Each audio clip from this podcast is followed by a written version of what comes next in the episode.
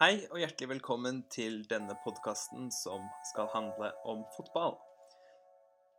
Fotball og fotball.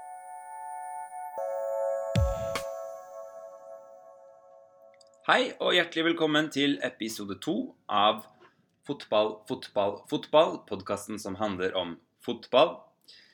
Eh, veldig kreativt.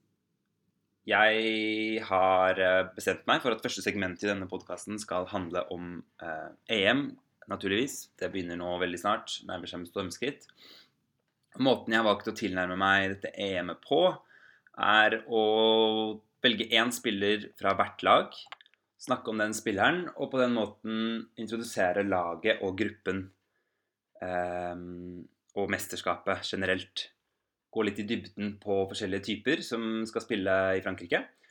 Og eh, de spillerne er valgt ut på litt sånn forskjellige kriterier. Det er ingen, ingen, bestemte regler. Det er liksom en kul historie bak en spiller, eller at han er et eh, lovende talent, eller et eller annet som jeg finner interessant. da. Og det er liksom kanskje også målet med denne podkasten. Altså, hovedmålet med denne podkasten er at de uh, som hører på, ikke skal kjede seg.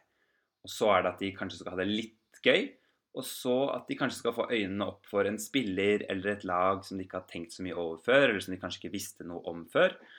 Eh, eller få et nytt perspektiv på, på et, eller annet, eh, et, eller annet, Og når de begynner å se fotballen, så skal de kanskje, eller skal dere kanskje tenke sånn Å, han spilleren hørte jeg om eh, i en podkast, og der sa de at han var så god til det og det, og så er han jo så dårlig til det. Herregud, så dårlig den podkasten var. Eh, eller Å, det stemmer, det hørte jeg om, og, og, det stemmer det de sa. Jeg vet ikke. Et eller annet. Så da, da kjører vi i gang, rett og slett.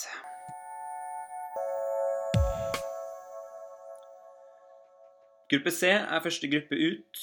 Den består av Tyskland, Polen, Ukraina og Nord-Irland. Fire interessante fotballag, men også fire interessante nasjoner sammen i en gruppe. Eh, Tyskland er jo eh, Hvis du tenker liksom rent politisk, eh, geopolitisk eller europolitisk, kanskje mer riktig, eh, så er jo de liksom, bildet på Europa. De er EUs eh, flaggskip og de som driver europeisk integrasjon framover. Og så har man Polen, som er en slags suksesshistorie på um, europeisk integrasjon. Hvordan de tidligere var en del av liksom, Øst-Europa, Sovjet, et kommunistisk land, og hvordan de i dag er et demokratisk land, men med problemer eh, nå de siste årene med et nasjonalistisk høyrepopulistisk parti som prøver å ta Polen litt mer tilbake til liksom østlig influens, da. Mer tilbake til der hvor de kanskje var en gang eh, for 20-30 år siden. Og det er jo ikke bra for Tyskland. Så det er en Jeg vil ikke si det er en konflikt. Altså, Disse to landene er jo uh, historisk sett har et veldig sånt spesielt forhold eh, politisk. Og derfor det gir litt ekstra i, når man skal se de spille fotball. Fotball er jo Mange mener at fotball skal være upolitisk, og at det har man liksom sett opp gjennom hvor Nord-Korea har vært med i VM, og, og, og, da blir liksom politikken lagt litt til side. Men jeg mener uansett at det er um, er, for meg i hvert fall, da, så gir det en liten ekstra piff til disse kampene når det finnes et sånt eh, utenom fotballsk perspektiv eller eh, utenom fotballsk eh, element. Og så er det Ukraina, som jo også med tanke på EU er en, er en veldig interessant nasjon. Eh, hvordan nasjonen nå i dag er liksom splittet mellom de som ønsker å lene seg mer mot Russland, og de som ønsker å lene seg mer mot Europa. Og sånn sett faller de litt inn under den samme sånn, politiske diskusjonen som akkurat nevnte mellom Polen og, og, Tyskland. Så de også er Altså, dette blir interessante kamper på, på, det stadiet, men det er ikke det vi skal snakke om i dag, og det er ikke det vi skal bry oss om i dag. Eh, jeg ville bare nevne det, eh, fordi jeg synes det er interessant. Og så er det Nord-Irland, som ikke er direkte linket til den, denne debatten, men eh, også ha, er jo historisk sett en veldig interessant nasjon når det kommer til eh, integrasjon mellom de europeiske nasjonene. Men nok om det. Nok om kjedelig politikkting. Eh, det er først og fremst interessante kamper pga. fotballen. Og vi begynner da med Tyskland.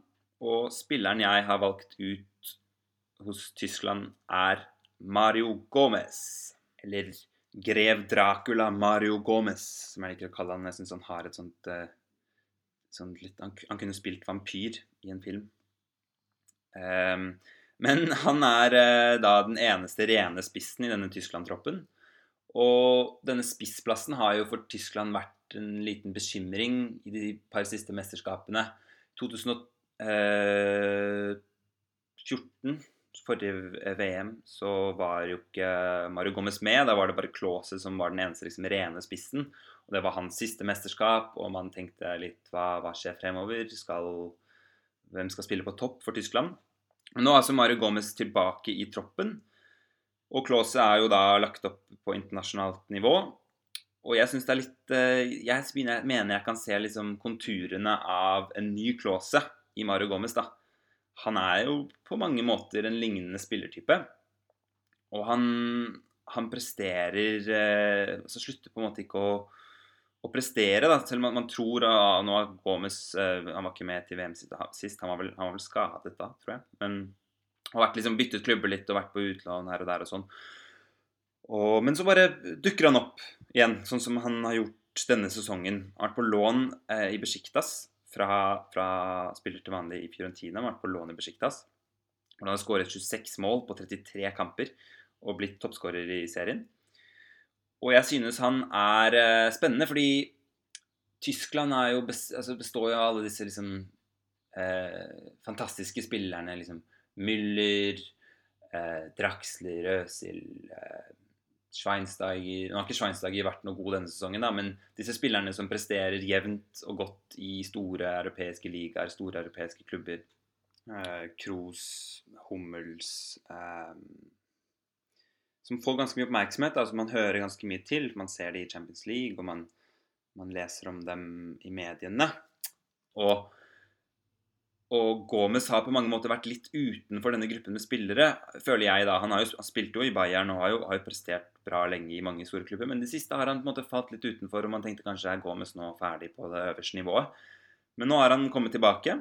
og Kanskje er han den nye Klause, det vet jeg ikke. Men det blir spennende å se om han kan, om han kan skåre mål, først og fremst, for dette Tyskland-laget. Han kommer sannsynligvis til å starte på topp, eh, og bak seg kommer han Det er litt usikkert fortsatt, da, men jeg tror han bak, bak, bak han kommer, til å, kommer han til å ha Draxler, Øsler, Øsil og Müller. Og Draxler, Øsil og Müller står denne sesongen eh, for til sammen 48 mål og 31 assists.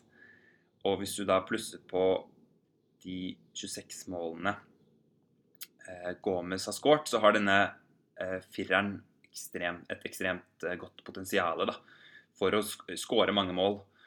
Og når man ser på de resten av eh, ferdighetene i dette laget, så, så, tror jeg Gomez kan spille veldig bra. Han har backet opp av sannsynligvis det beste laget i EM. og Det blir spennende å følge han og se om han kan liksom befeste sin posisjon som Tysklands beste rene spiss i dette mesterskapet, og kanskje ta rollen som en ny Miroslav Klose. Ja, da går vi videre til lag nummer to.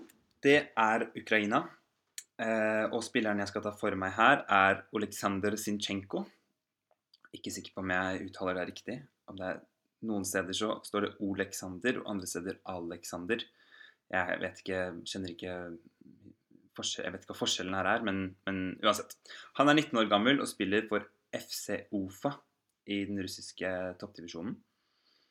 Og er et veldig stort talent jeg har sett litt filmer av han, um, og han jeg, jeg, liker ikke liksom å sammenligne Ødegård Ødegaard med andre spillere eller andre spillere med Ødegård, eller generelt og jeg mener det går litt sånn inflasjon i historier og omtale om Ødegård. Men Shinsjenko minner unektelig om Ødegård i spillestilen sin. Han har eh, en ekstremt eh, god ballkontroll. Han slår smarte pasninger eh, mellom beina på forsvarsspillere gjennom liksom type Messi-pasninger. Han er venstrefotet, da. Som liksom bare slipper de tilsynelatende en rolig ball forbi en forsvarsspiller, og så akkurat da kommer det en spiller inn på det løpet. Um, han dribler eh, godt, han plasserer eh, skuddene sine bra, han er god på frispark. Og har um, har hatt et litt gjennombrudd denne sesongen, da. Og spilt to, spilt to kamper for uh, Ukraina allerede. Uh, og skåret ett mål. Skåret i debuten sin et fantastisk mål hvor han uh, han er, han, er, han er, en midtbanespiller, han kan spille på hele midtbanen. Er opp, men en offensiv rolle, da, så han har også spiss, altså kvaliteter man kanskje forbinder med en spiss. Bl.a. en veldig god hurtighet. Og det målet han skårte i sin landslagsdebut, jeg tror det var debuten hans, var et ekstremt flott mål hvor han beslått en ball i bakrom, han tvinger seg forbi en forsvarsspiller og bare akselererer forbi og plasserer ballen kynisk eh, i mål. Um, og litt tilbake til, uh, til uh, politisk uh, dragkamp. En ukrainsk politisk dragkamp. Så har um, Han spiller jo da i russisk toppdivisjon. Og det er, det er rykter om at Russland prøver å tilby han et statsborgerskap, sånn at han skal kunne spille for Russland. Men det kan han jo ikke hvis han får debuten sin, altså offisielle debuten sin i dette EM-et. Så det er jo én grunn til å tro at han kommer til å få spilletid. Han kommer nok ikke til å starte kampene, men han kommer til å komme innpå.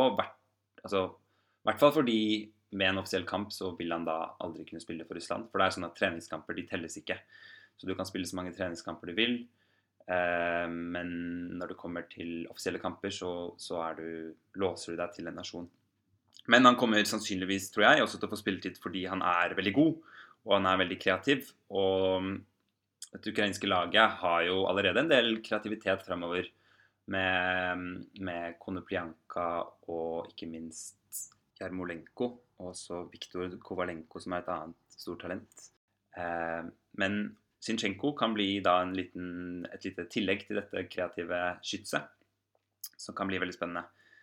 Forhåpentligvis kommer han kommer det til å være varmt i Frankrike, sånn at vi slipper å se Oleksandr Zinchenko i pannebånd. Fordi det, jeg har sett masse klipp av han nå hvor han bruker pannebånd når han spiller. Og det er ikke et sånt kult pannebånd på noen som helst måte. Det er en sånn det er et pannebånd, et svart, ser ut som et sånt svart flispannebånd som går bare rundt hodet, ganske tynt. Og så på ørene så har de sånne, går de litt ned, sånne flapser som henger over ørene. Og så har han sånn kort, lyst hår som, som stikker litt sånn tustete opp. Um, fra dette pannebåndet.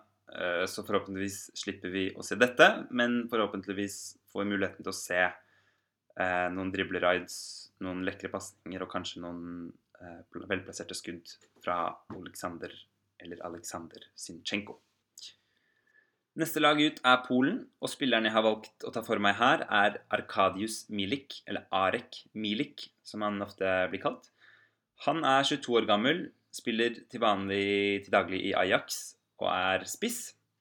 Og da tenker du kanskje hvorfor snakker vi om en spiss på Polen som ikke er Lewandowski? Han kan jo umulig få noe spilletid. Men faktum er at Polen sannsynligvis kommer til å spille med to rene spisser. Som er forholdsvis uvanlig nå til dags, egentlig. Men ofte har man jo liksom Bygger man angrepet sitt med tre offensive midtbanespillere og én spiss. Det er i hvert fall Eh, ganske vanlig. Eh, men Polen spiller da med to spisser, Lewandowski og Milik sammen. Og de er etter min mening, eller Milik er etter min mening eh, unektelig lik Lewandowski. Han er samme type fysikk, han har god teknikk, en skarp venstrefot, gode avslutninger. Og ja, mye av grunnen til at Polen har valgt å spille med to på topp, er at de ikke har klart å liksom finne den stjerneplaymakeren som spiller sentralt offensivt på midtbanen. Så istedenfor så har de valgt å kjøre to mann på topp, og det har vist seg å være, mm, være en bra oppskrift, det.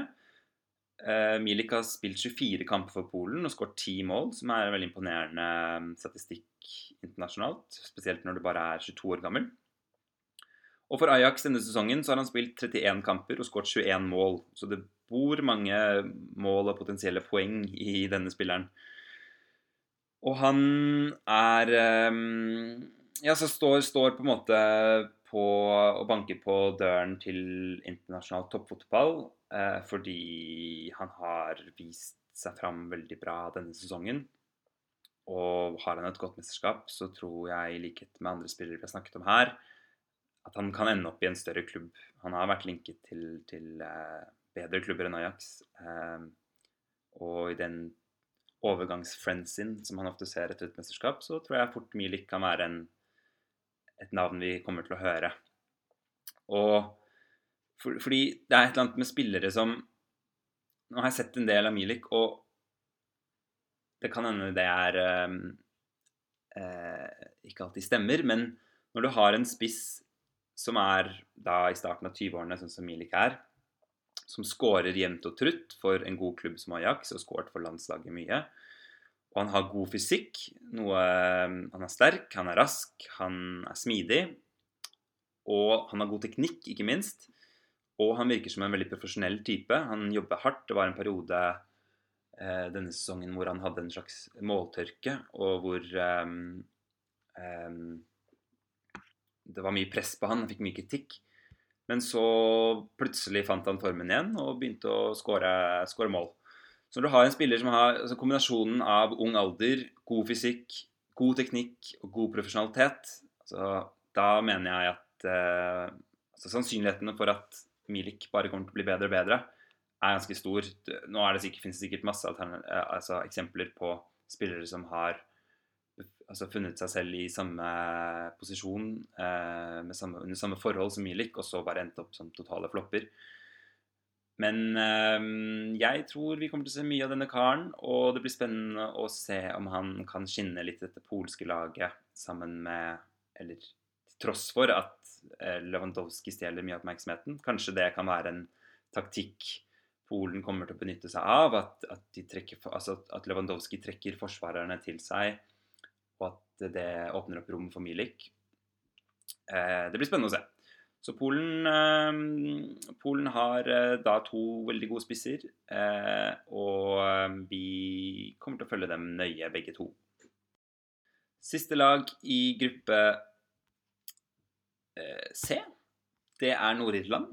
Og Nord-Irland har faktisk kvalifisert seg Første gang Nord-Irland kvalifiserer seg til et europamesterskap. Eh, noe som eh, er veldig spennende. De var med i VM eh, i 1958, faktisk. Kom til kvartfinalen. Det er det sikkert ikke alle som visste. Det var til og med før George Best sin tid, så klart. Så, så det bor noe fightervillig i dette, dette laget. Og Steven Davis har jeg valgt ut fordi han er Jeg mener han er en, en veldig undervurdert spiller. Har vært veldig lenge. Spiller til vanlig i, i Southampton og har denne sesongen spilt 34 kamper eh, for Southampton, som, vært, eh, som hadde en litt skuffende start på sesongen, men har i 2016 rett og slett vært helt fantastiske. Jeg lurer på om de er det. Hvis du, hvis du ser på Premier League-tabellen bare for 2016, så lurer jeg på om de er så andre eller tredje best bak eh, Leicester og, og Tottenham. Eh, og hvis du ser helt på slutten av sesongen, der, der, um, der Tottenham hadde um, en liten kollaps, så er de en av de alle altså, på de siste ti kampene eller sånn, så er de det beste laget i Premier League. Og endte da med å kvalifisere seg til Europa League, sjetteplass, veldig imponerende. Derfor, uh, derfor mener jeg og, altså, og Davis spilte en veldig viktig rolle i denne sesongen for Southampton, men man hører ikke så mye om Davis. Man hører mer om uh, Shane Long, Graciano Pelé, Sadio Mané, Dusan Tadic. Men på midten så bidro han med ekstremt eh, mye løpskraft. Han har en god pasningsfot, han takler bra. Og det er litt eh, morsomt med sånne spillere som er ganske anonyme for klubblaget sitt, eller de er i hvert fall undervurderte men, men, og er liksom på ingen måte stjernene. Men hjemme på landslaget er de da plutselig den viktigste og den beste spilleren og uh, inntrer en slags stjerne uh, i en stjernerolle uten at de kan noe for det. Um, så han er så han, han er, og, og, og, altså, Nordland kommer ikke til å gjøre det bra bare pga. Steven Davis. Så god er han ikke. Han er ikke en type Gareth Bale som, som, som, kan, virkelig, som kan gjøre den virkelig store forskjellen. Men allikevel så har han, har, han, uh, har han, kvalitetene til å drive laget forover. Han skårte bl.a. Altså, i, i den kampen som var avgjørende for at Nord-Irland kvalifiserte seg, Eh, da de vant 3-1 mot Hellas, så skåret han to mål og var liksom med på å sikre, sikre um, avansementet. Og han har vært kaptein siden, siden 2006, tror jeg. Så Steven Davis i dette nordirske laget som, som eh, må løpe for å gjøre det bra. Altså, de har ikke de kreative kvalitetene, heller ikke den sånn ekstreme solidheten bak. Så de må rett og slett bare løpe, løpe, løpe, løpe, løpe for å kunne ha noe som helst sjanse. Uh, og de spiller Jeg, tror Nord-Irland kommer til å spille med tre, tre, bak og fem på midten. Og i denne femmeren så vil Davis eh, spille en, en, en veldig viktig rolle. Ja, da har vi tatt for oss gruppe C med Mario Gomez for Tyskland, med Oleksandr Sivtsjenko for Ukraina Arkadius Milik for Polen og Steven Davis for Nord-Irland. Dette blir en uh, tøff gruppe, uten tvil. Tyskland kommer til å vinne gruppen. Det føler jeg meg ganske, um, ganske sikker på. Andreplassen kommer til sannsynligvis å stå mellom Polen og Ukraina. Og jeg tror Polen har såpass uh, mange kvaliteter at de kommer til å ta den andreplassen. Selv om eh, både Ukraina altså Først og fremst Ukraina, men også, også Nord-Irland kan, kan uh, være en trussel. Nord-Irland er ekstremt eh, gjerrige. De, de, løper og løper. De spilte nå her forleden mot eh, Slovakia, som vi tidligere har prata om i denne podkasten, som et veldig godt lag. Og de spilte 0-0. Eh, noe som i seg selv ikke er sånn ekstremt imponerende, men med tanke på at Slovakia hadde 71 eh, possession, 17 skudd på mål så eh, Nei, 17 skudd, unnskyld. Eh, bare tre på mål. Eh, så, så, så, altså med denne typen statistikker og uten å tape, det er ganske imponerende. Og det kan de Lignende resultater kan de håpe på mot eh, Kanskje ikke mot Tyskland, men mot Polen og Ukraina. Eh, men som sagt, jeg tror Polen eh, har, har eh, flere kvaliteter enn Ukraina og vil, og vil sannsynligvis kapre andreplassen, hvis jeg, hvis jeg må tippe.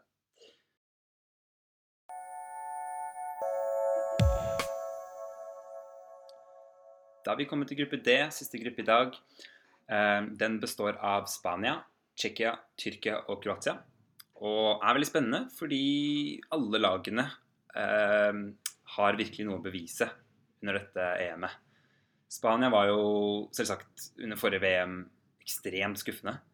Og vil jo så klart ønske å, å spille bedre under dette mesterskapet og komme lenger.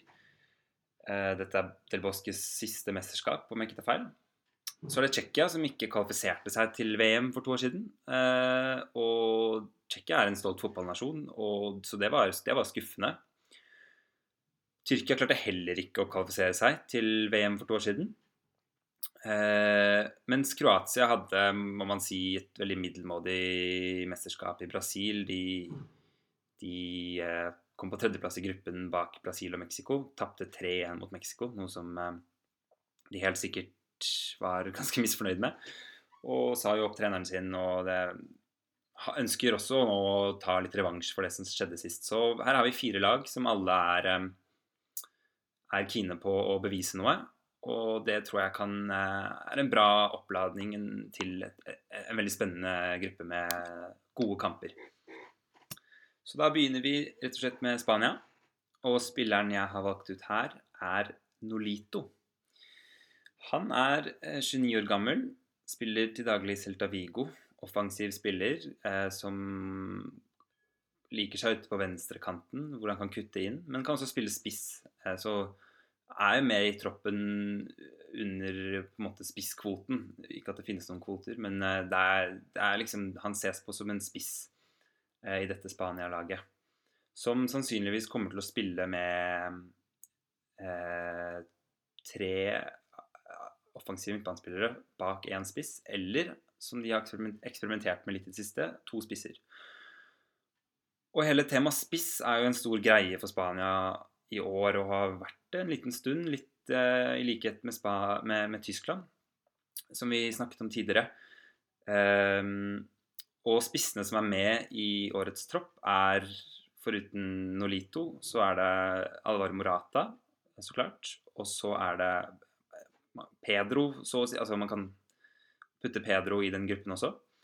Og så er det Aritz Aduriz, eh, denne gamle eh, spissen fra Atletico Bilbao, som har liksom hatt en veldig sen blomstring, da. Men Nolito og Nolito var jo egentlig tiltenkt som en sånn backup i den um, preliminary squaden som Del Bosque satte opp. Men har imponert stort da i de siste, siste treningskampene.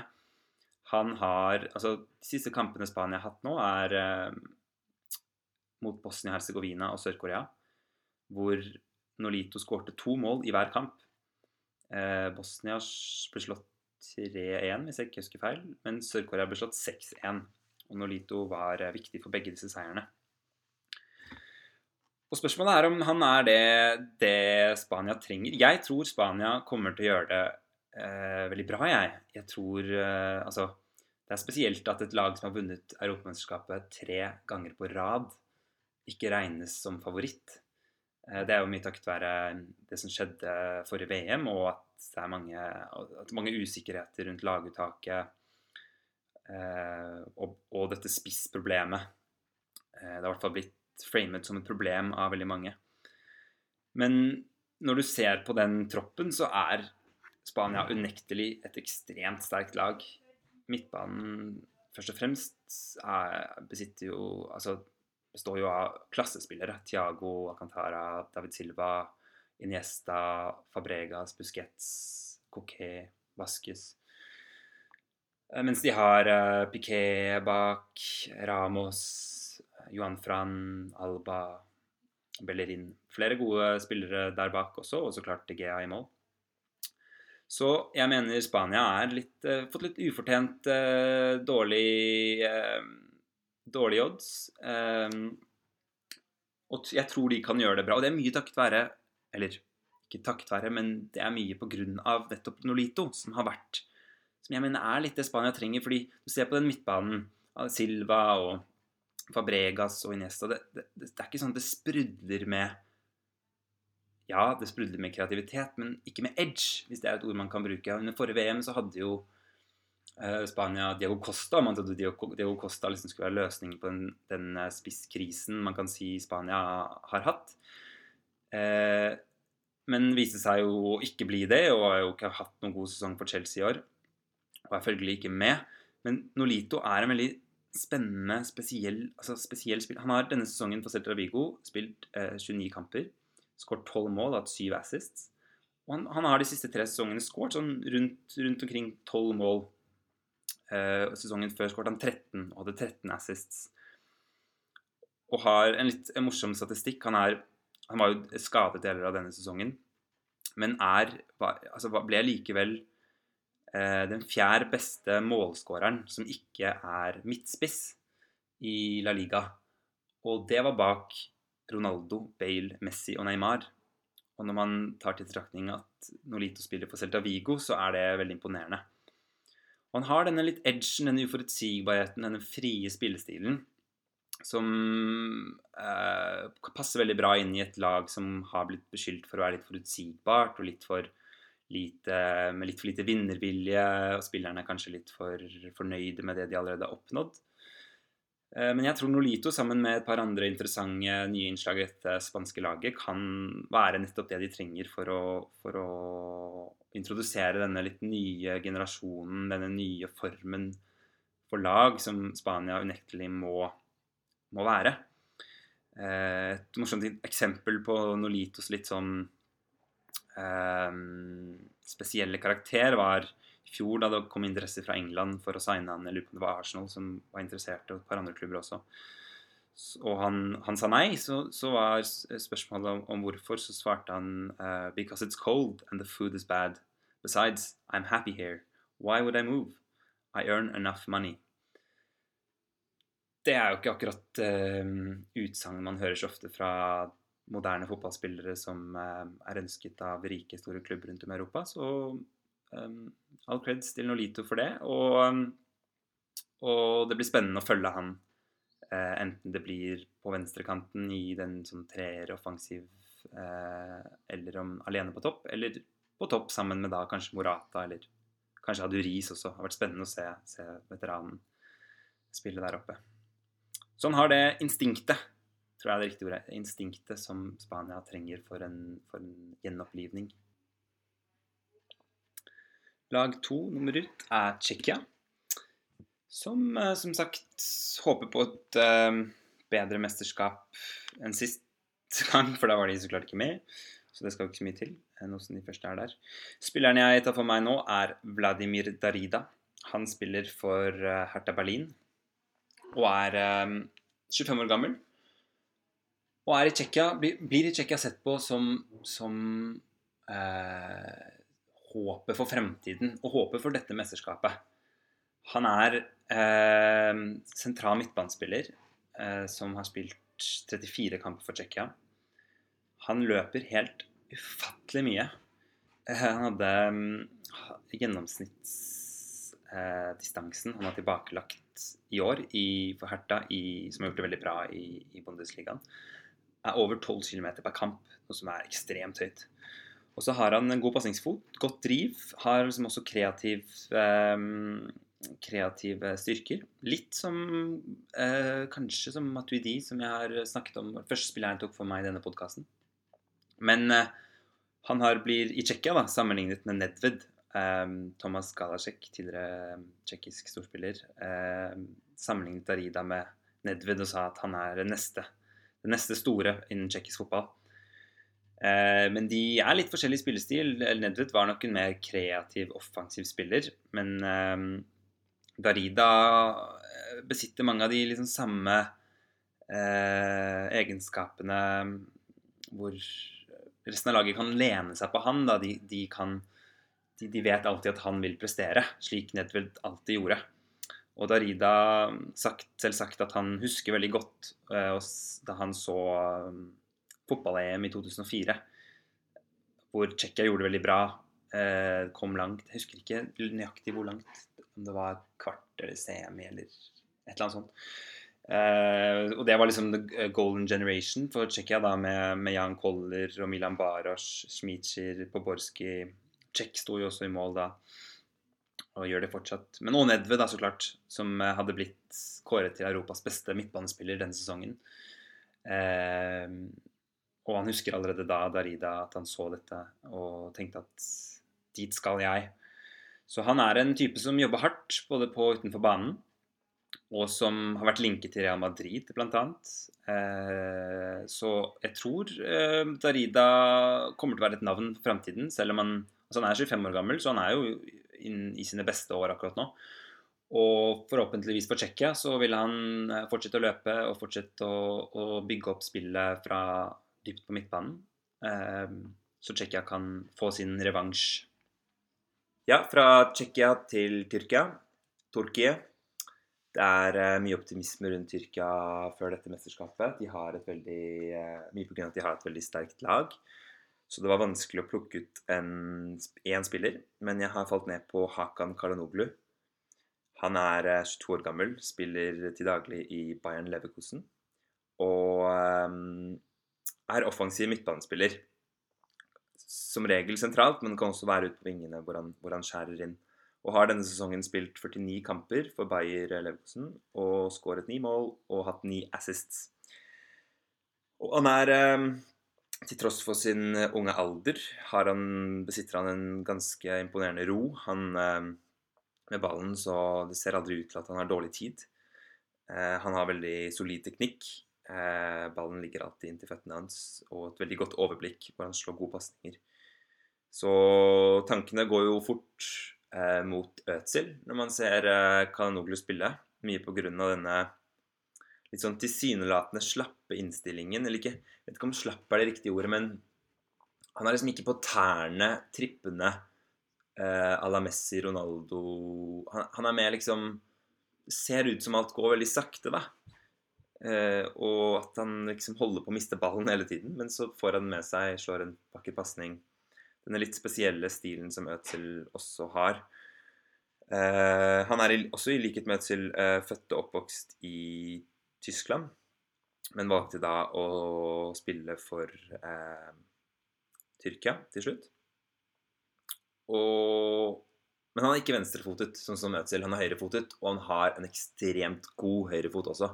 Han er vel Må vel kalles eh, Europas frisparkkonge akkurat nå. Fordi han har en ekstremt god statistikk på, på, på frispark. Han har siden 2013-2014-sesongen skåret i gjennomsnitt eh, hver syvende kamp, eller hver 6,8. kamp eh, på frispark. 11 mål på 75 kamper. Denne statistikken er fra, fra slutten av 2015, men, eh, så jeg har ikke noe helt ferske tall på dette. Men går da nå for å være en av de bedre frisparktagerne, selv om man ofte glemmer Man snakker ofte om Ronaldo eller eh, Messi eller noe, altså, Det er fort disse det handler om når man snakker om frispark. Men eh, jeg tror bare det er Pjanic og kanskje et par andre spillere som scorer eh, Hvis du ser på i forhold til frispark de tar, Eh, har en høyere eh, treffrate. Men i forhold til kamper så er Hakanoglu den eh, ubestridte frisparkkongen. Skårer, skårer, noen fantastiske mål. Så forhåpentligvis vi, får vi se noe av dette under VM. Under EM, sorry. Men først og fremst så vil han jo da inngå i Tyrkias offensive skyts, som er veldig imponerende. Er, ser veldig farlig ut. De kommer nok til å spille en 4-2-3-1-taktikk hvor Kalanoglu sammen med Arda Toran, eh, som vi så klart kjenner, og Ogusan Osiakup Osjakub, ja, sikkert ikke riktig uttalt. Eh, disse tre kommer til å spille sammen. Sistnevnte, Osjakub, er eh, også et, eh, et, en veldig talentfull spiller. Spiller til daglig for Besjiktas. Var i Arsenal og fikk bare to kamper. Eh, det ene var en ligacupkamp mot Shrewsbury. Det andre var da han satt på benken i den i det forferdelige 8-2-tapet. Det ydmykende 8-2-tapet mot Manchester United.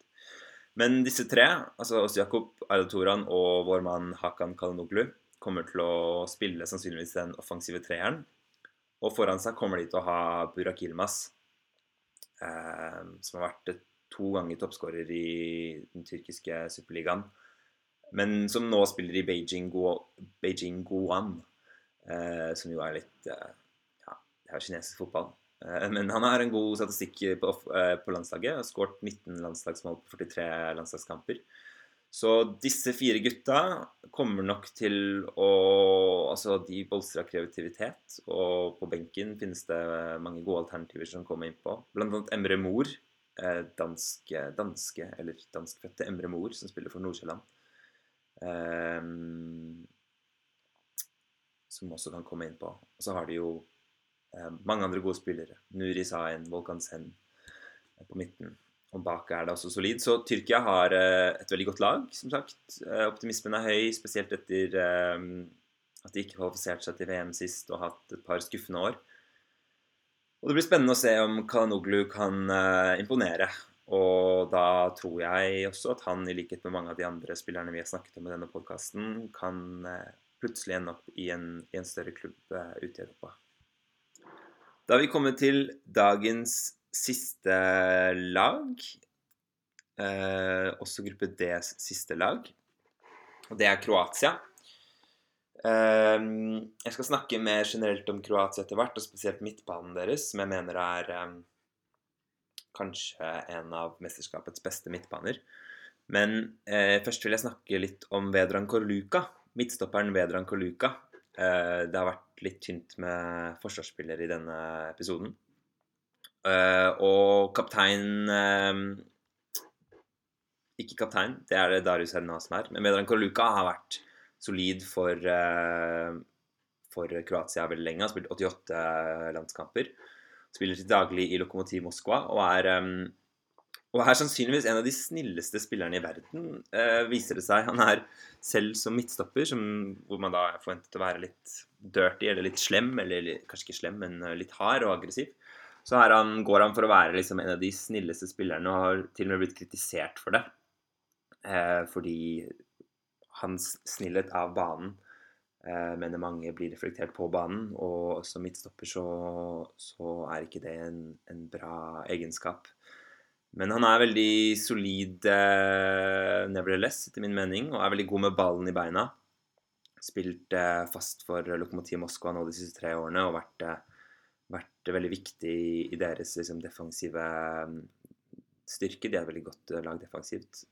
og også Kroatia sitt forsvar, altså Vedran Koluka Litt morsom historie apropos denne snillheten, bare. Ta det fort. det går en historie rundt om at han i 2011 var, var på en, et utested sammen med noen kompiser. Og så var, kom servitøren for å servere dem drinks, og, og, og ga Korluka et kompliment for klokken han hadde på seg. En sånn fin klokke, typisk sikkert fotballspillerklokke med diamanter og alt sammen tacky som vanlig. Um, og det syns Korluka var så hyggelig, da. Uh, godeste Vedran syntes det var uh, så koselig å få et kompliment. Så han, eh, han, byttet klokke med servitøren. Eh, og klokken han ga fra seg, kostet angivelig 36 000 euro. Som tilsvarer liksom nesten 350 000 kroner.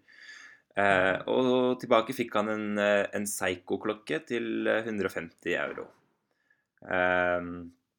Så fantastisk fyr Kaluka, og, og, sammen og danne midtstopperpar sammen med eh, Domagoj Vida, som er kanskje det motsatte. Han er en hardhaus som i VM i 2000, nei, EM i 2012 eh, fikk en bot på 80 000 euro fordi han åpnet en pils eh, Nei, det var kanskje ikke VM. Jeg lurer på om det var for klubb, klubb Han spiller for Dynamo, spilte da for Dynamo Zagreb og åpnet en pils på bussen på vei til kamp og var bare ja, ikke noe stress. Uh, da, ble kastet av bussen, fikk en bot på 80 000 euro. Um, og det manager for Dinamo Zagreb på den tiden var Ante Kasic, som i dag er manager for Kroatia. Så Vida ser ut til å ha skværet opp.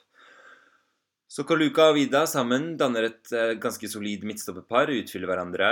Eh, aggressiv, aggressiviteten til Vida og roen til Koluka. Og så har de jo Dario Serna, legenden Dario Serna på bekken, eh, endebekken, og sannsynligvis eh, Schildenfeld på den andre bekken, som er veldig sånn sikker eh, sikker eh, eh, bekk.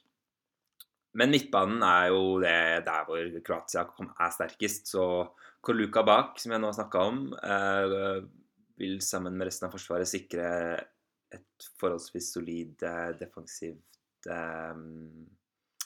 en solid defensivt styrke. Og på midtbanen er det bare helt Det er jo helt sykt. Altså sentralt Luka Modric og Rakitic. Real Madrid og Barcelona, så klart eh, klassespillere.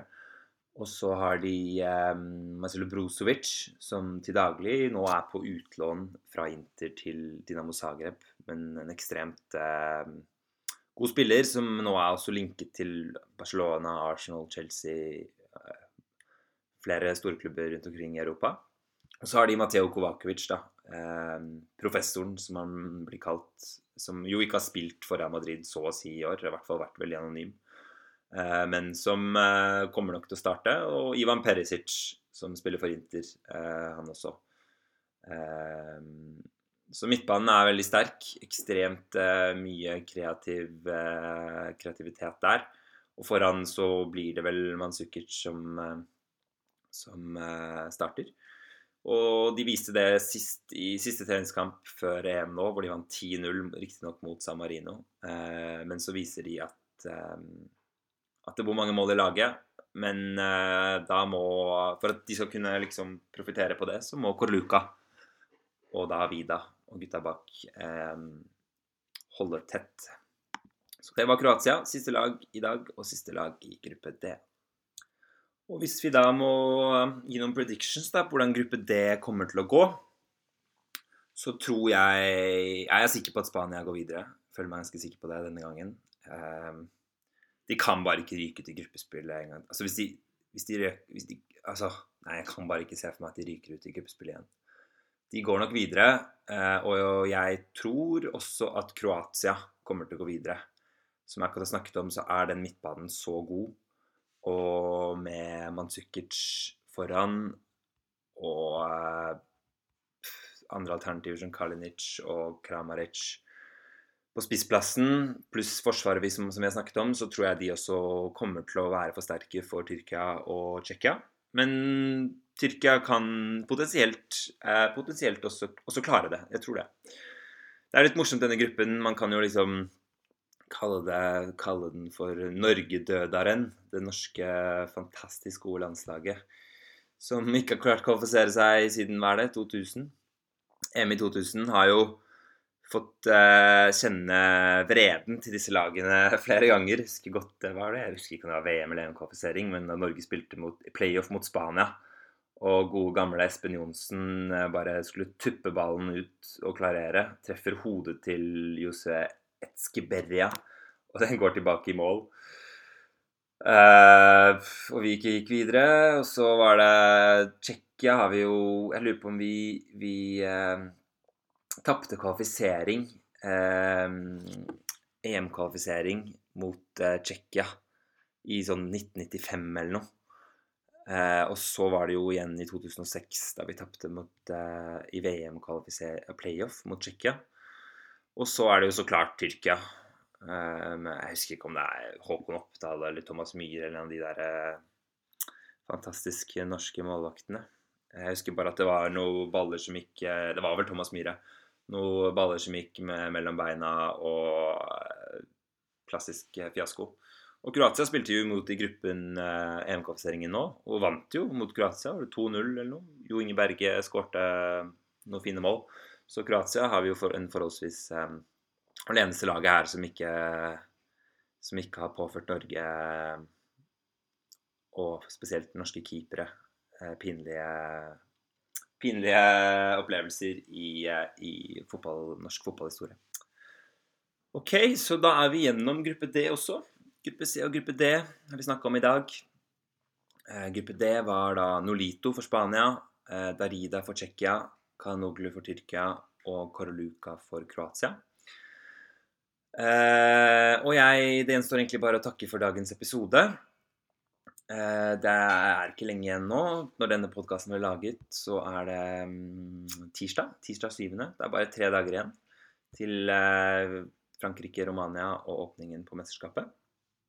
Eh, neste episode kommer ut straks, og da har jeg med meg en kompis som heter Johan, som er først og fremst Italia-ekspert. Så han skal få snakke litt om Italia og skal være med på diskusjonen eh, generelt. Det er hyggelig hvis du subscriber på podkasten og rater og alt som er. Da, det hadde vært hyggelig. Og jeg håper du, som, sagt, som jeg har sagt tidligere, så håper jeg at du ikke har kjeda deg. Eh, og at du kanskje har lært noe nytt, og at du kanskje har hatt litt gøy. Et eller annet. Eh, takk for i dag. På gjensyn. På gjenhør. Et eller annet. Ciao.